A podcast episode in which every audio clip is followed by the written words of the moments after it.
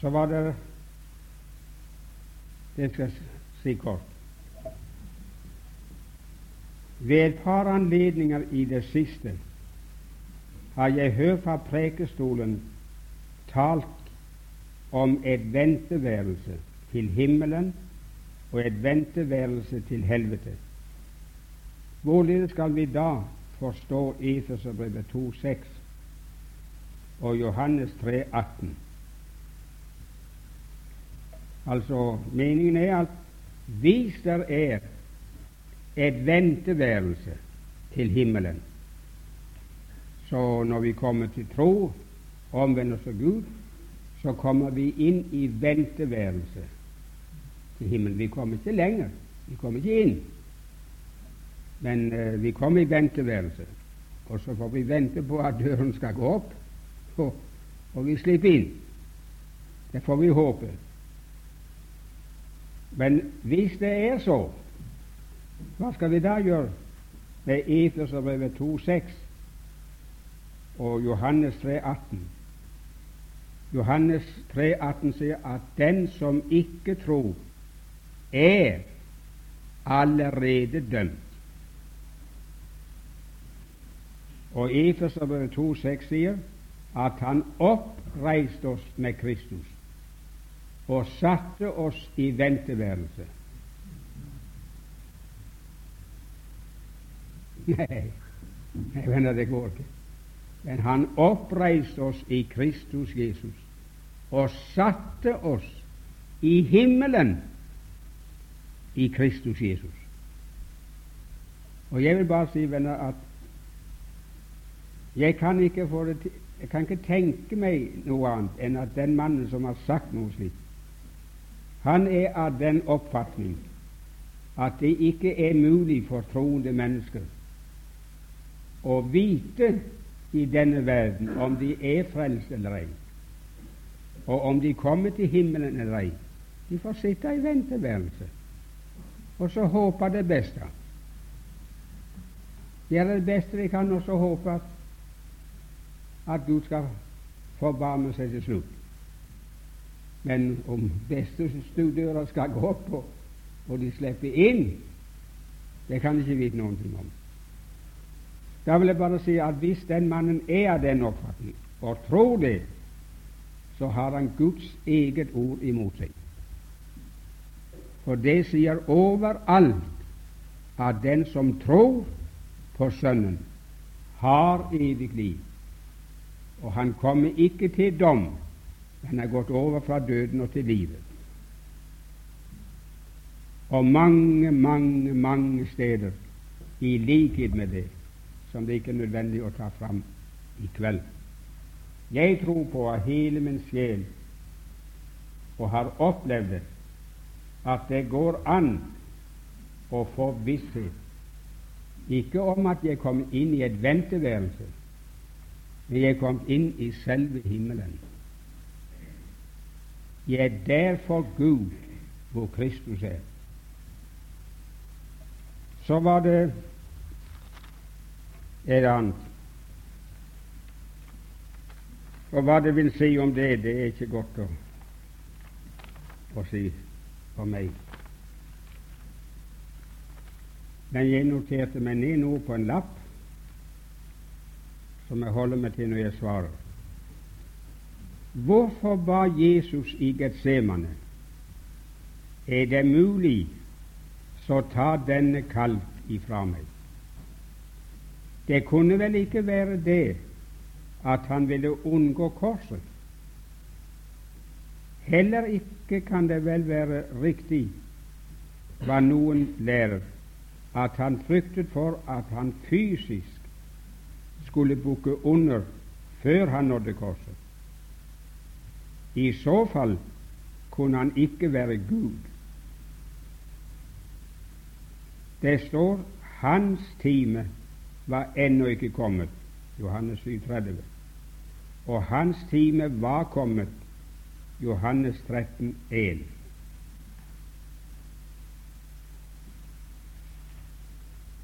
Til det vil jeg først si Når og spør det kunne vel ikke være at han ville unngå korset, så svarer jeg et bestemt nei. Det har Jesus aldri bedt om. Det har aldri vært i hans tanke, for det vil stå i strid med alt som Det nye testamentet har fortalt oss om ham, og hvorfor han kom til verden. Det er noen som sier det, at Kristus, eller Jesus, var like på nippen i Getsemane til å falle og synde. Men i siste liten, før det glapp, fikk han tatt seg igjen ved å si ikke som jeg vil, men som du vil. Det synet har jeg aldri kunnet dele. Kan ikke finne støtte for det i Guds ord. Nå skal jeg sitere hva tre forskjellige har sagt om hans kamp i Getsemane. Så har nesten sagt, så får du dømme selv. Jesus kjempet med Gud og fikk hånd og fikk overhånd. Nei, jeg står og tenker på noe annet, så jeg leser det skikkelig. Jesus kjempet med Gud og fikk overhånd derved at Gud fikk overhånd over ham. Synes du, min venn, det henger på kvistene? At Gud måtte kjempe med en Jakob for å få overhånd over ham, og at han har kjempet med deg og meg mer enn én en gang, det kan jeg forstå men at han skulle kjempe med sin egen sønn for å få overhånd over ham, så han var nødt til å bøye seg. Jeg finner ikke skyggen av et ord som støtter det. Nei, min venn, vi skal se et par ting senere.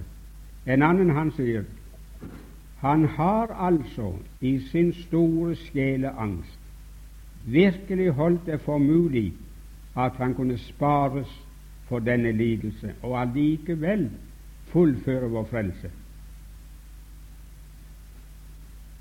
Og en tredje sier hva han ba om, vet vi jo alle. Nei, jeg melder pass. Hvis han har rett, så sier jeg vet det iallfall ikke. Hva han ba om, vet vi alle. Han ba om at han måtte bli fri for å tømme det beger fullt av ufattelige lidelser som han visste at han skulle tømme på korset. Også under angstens trykk kunne, for et øyeblikk, kunne han for et øyeblikk tenke seg den mulighet at han kunne bli fritatt for offerdødens lidelser. Venner, jeg synes nesten det er Guds bespottelse å tale og skrive slik. Det er iallfall umulig for meg å tro det. For alt det som vi ellers vet om Jesus, strir imot den tanke at Gud måtte kjempe med ham for å få overhånd. Vi leser jo han fornedret seg selv ingen andre. Men han fornedret seg selv, så han ble lydig inntil døden, ja, korsets død.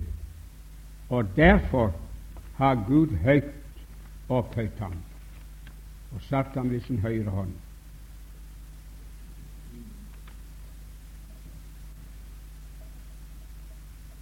Men så vil jeg si jeg tror det siste som var antydet her, det er noen som tror og lærer at han ba om å slippe å dø i Getsemane. Slippe å bukke fysisk under i den påkjenningen, slik at han kunne komme til Golgata. Det tror jeg på. Og det mener jeg har Guds klare ord for. Jeg vil be dere å merke dere hva det står i Markus 14, 34 og 35 vers. Der står det Han ba og sa, Fader, la denne stund gå meg forbi. Ikke som jeg vil, men som du vil. La denne stund Hvilken stund? Stunden i Getsemane, den som var mørkets makt, og han var overlevert til mørkets første. Han sa før han gikk ut av, av salen og inn i Getsemane La oss stå opp og gå. Denne verdens første, han kommer, og han har intet i meg. Og så gikk han rett til Getsemane. Og der står det om ham han begynte å bedrøves og engstes inn til døden. Og han sa, 'Jeg er bedrøvet inn til døden'.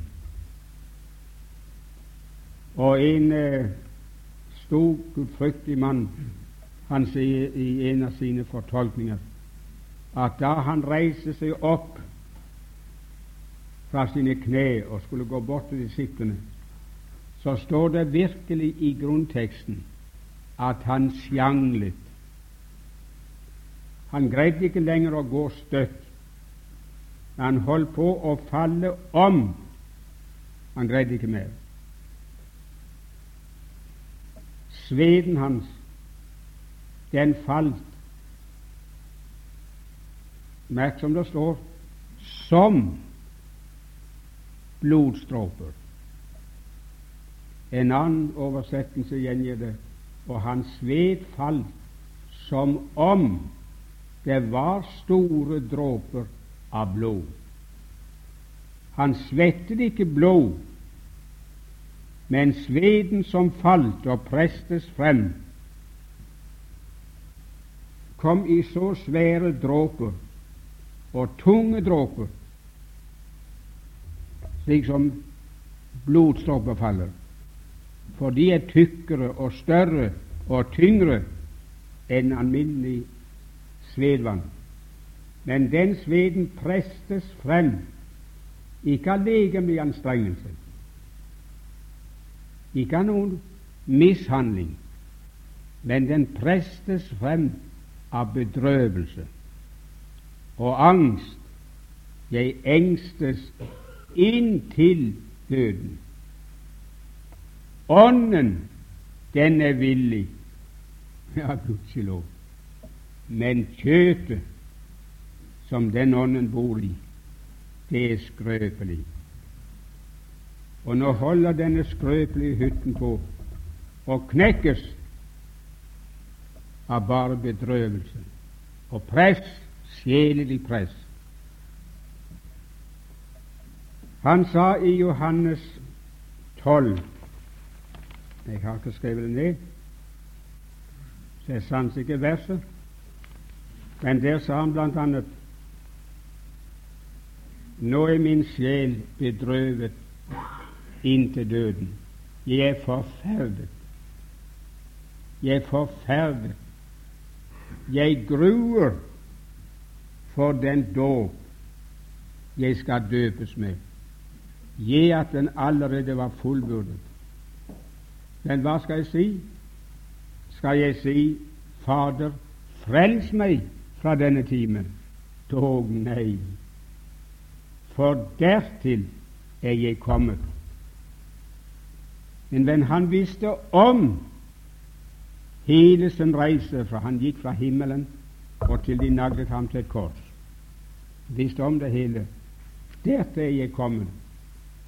Og han ville dø, og han ville dø korsets død. Det var antydet her at hvis han mente det, å unngå den fysiske død, så kunne han ikke være Gud. Si meg, min venn, vet du hvordan det er å være Gud, sann Gud, og et sant, virkelig menneske på samme tid? Kan du definere og forklare deg hvordan han følte som Gud, og hvordan han følte som et sant menneske? Nå gikk Satans hær storm på ham for å knekke hans legeme og fri ham ifra å gå til et kors og bli en forbannelse for oss. Og da var påkjenningen for hans skrøpelige kjød, den menneskelige hytte han hadde ikledd seg, at han følte det som mundeholder. Hvordan vi skal fordele allvitenheten og påkjenningen, det er ikke gitt oss dødelige. Jeg vet bare, venner, og det slutter jeg med om den sak, jeg vet bare det at han ble bønnhørt. Det han ba om, det fikk han. For det første leser vi med en gang at der kom en engel fra himmelen og styrket ham. Det var, det var kraft som han behøvde, og den fikk han. Og så står det i, i uh, Hebreabrevet 5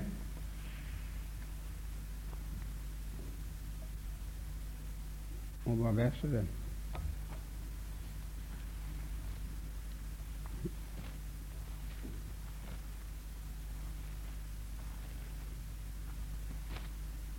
Hebreerbrevet 5 og vers 7.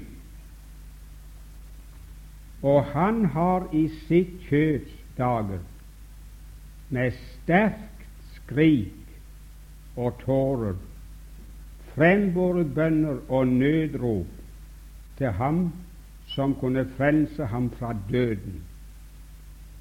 Og han ble bønnhørt for sin gudsfrykt. Han ble bønnhørt. Hvis det var korsdøden han tenkte på, så ble han ikke bønnhørt, for den måtte han ta. Der døde han og ble begraven. Men hvis han mente det som jeg nå til sist har pekt på, sin fysiske død, at hans legeme ikke klarte påkjenningen, så han kunne nå korset, så ble han bønnhørt. En engel fra himmelen styrket ham, og han reiste seg og gikk til disiplene og møtte sine fiender når de kom og skulle ta ham. Er det meg de søker, så la disse gå. Ta meg, så er saken klar. Så jeg tror at kampen det sto ikke om å bli fri korset, men uh, nettopp å komme til korset.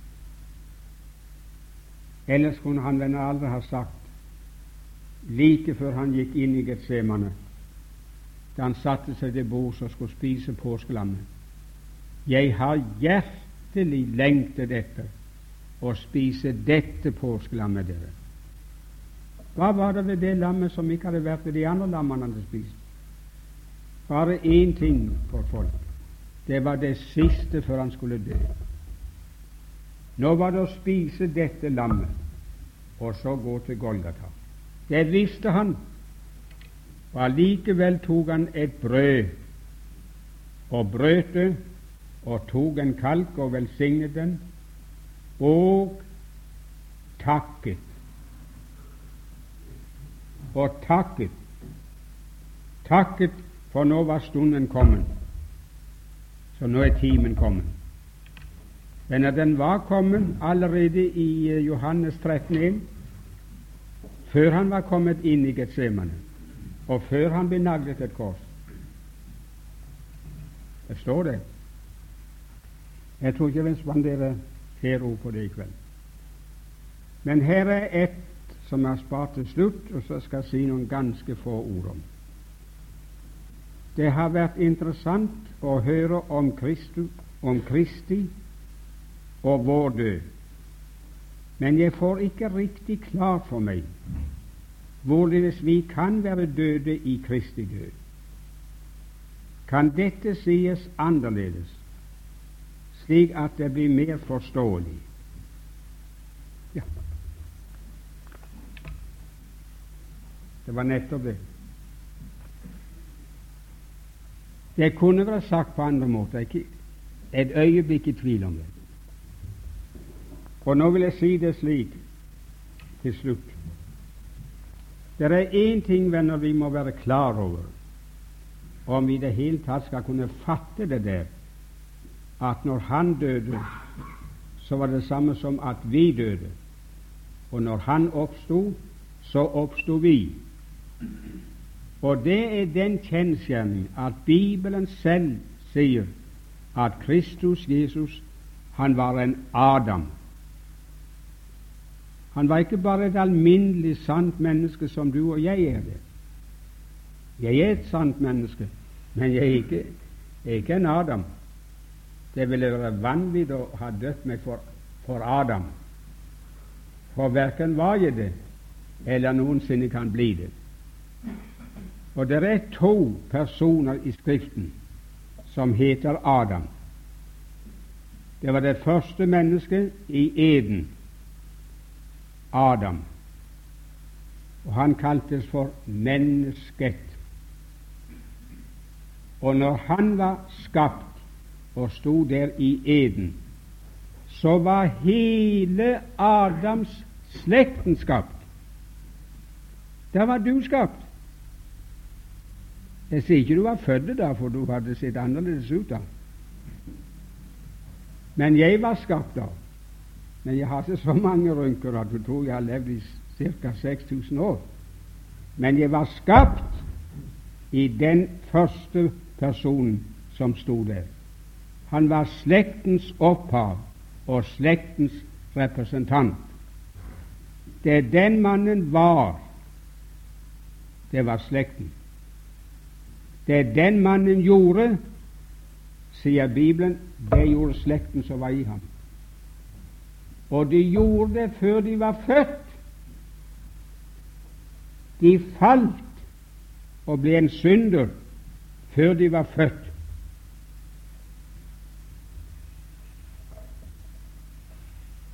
Og så sies det at alle som er født av ham, er lik ham. Lik ham av natur og likam av form og skikkelse. Så står det om den Herre Jesus at han er den siste Adam. Altså en ny slektsrepresentant. En person i hvem Gud ser andre. Når Gud ser på meg her på prekestolen i kveld, så ser han bare én mann. Han ser ikke noen annen, for det er ingen andre i meg. Og jeg er bare et alminnelig menneske. Men når han så på Kristus, min venn, så så han ikke bare én mann, men han så hele den slekt som han representerte for Gud. Og det han gjorde, sier Testamentet, det har den slekten gjort som var i ham.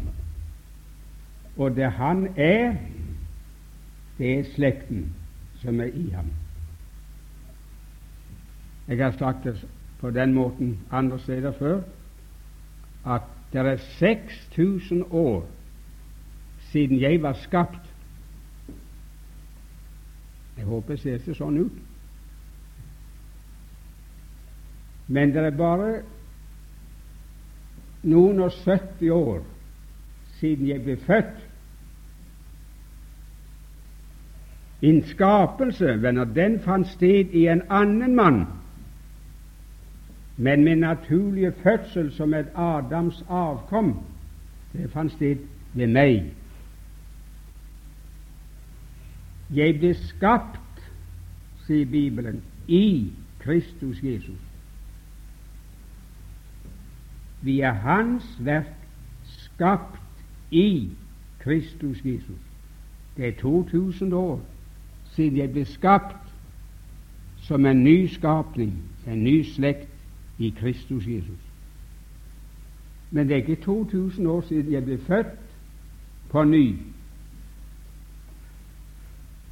Det er bare noen og 50 år siden. Det skjedde i 1905. Da ble jeg født av guddommelig sæd, som er Guds ord som lever og blir, og blir satt inn i verden som en nyskapning i Kristus Jesus. Forstår du nå hvordan det henger sammen? At Kristi død regnes for vår død. Da han ble naglet til korset, så var det ikke bare én mann som ble naglet der, men han døde for alle. Og når én er død for alle, så er de alle døde. Så står det testamentet. Og kan du så forstå at du blir begraven med ham, og du blir reist opp sammen med ham og satt med ham i himmelen, i Kristus Jesus.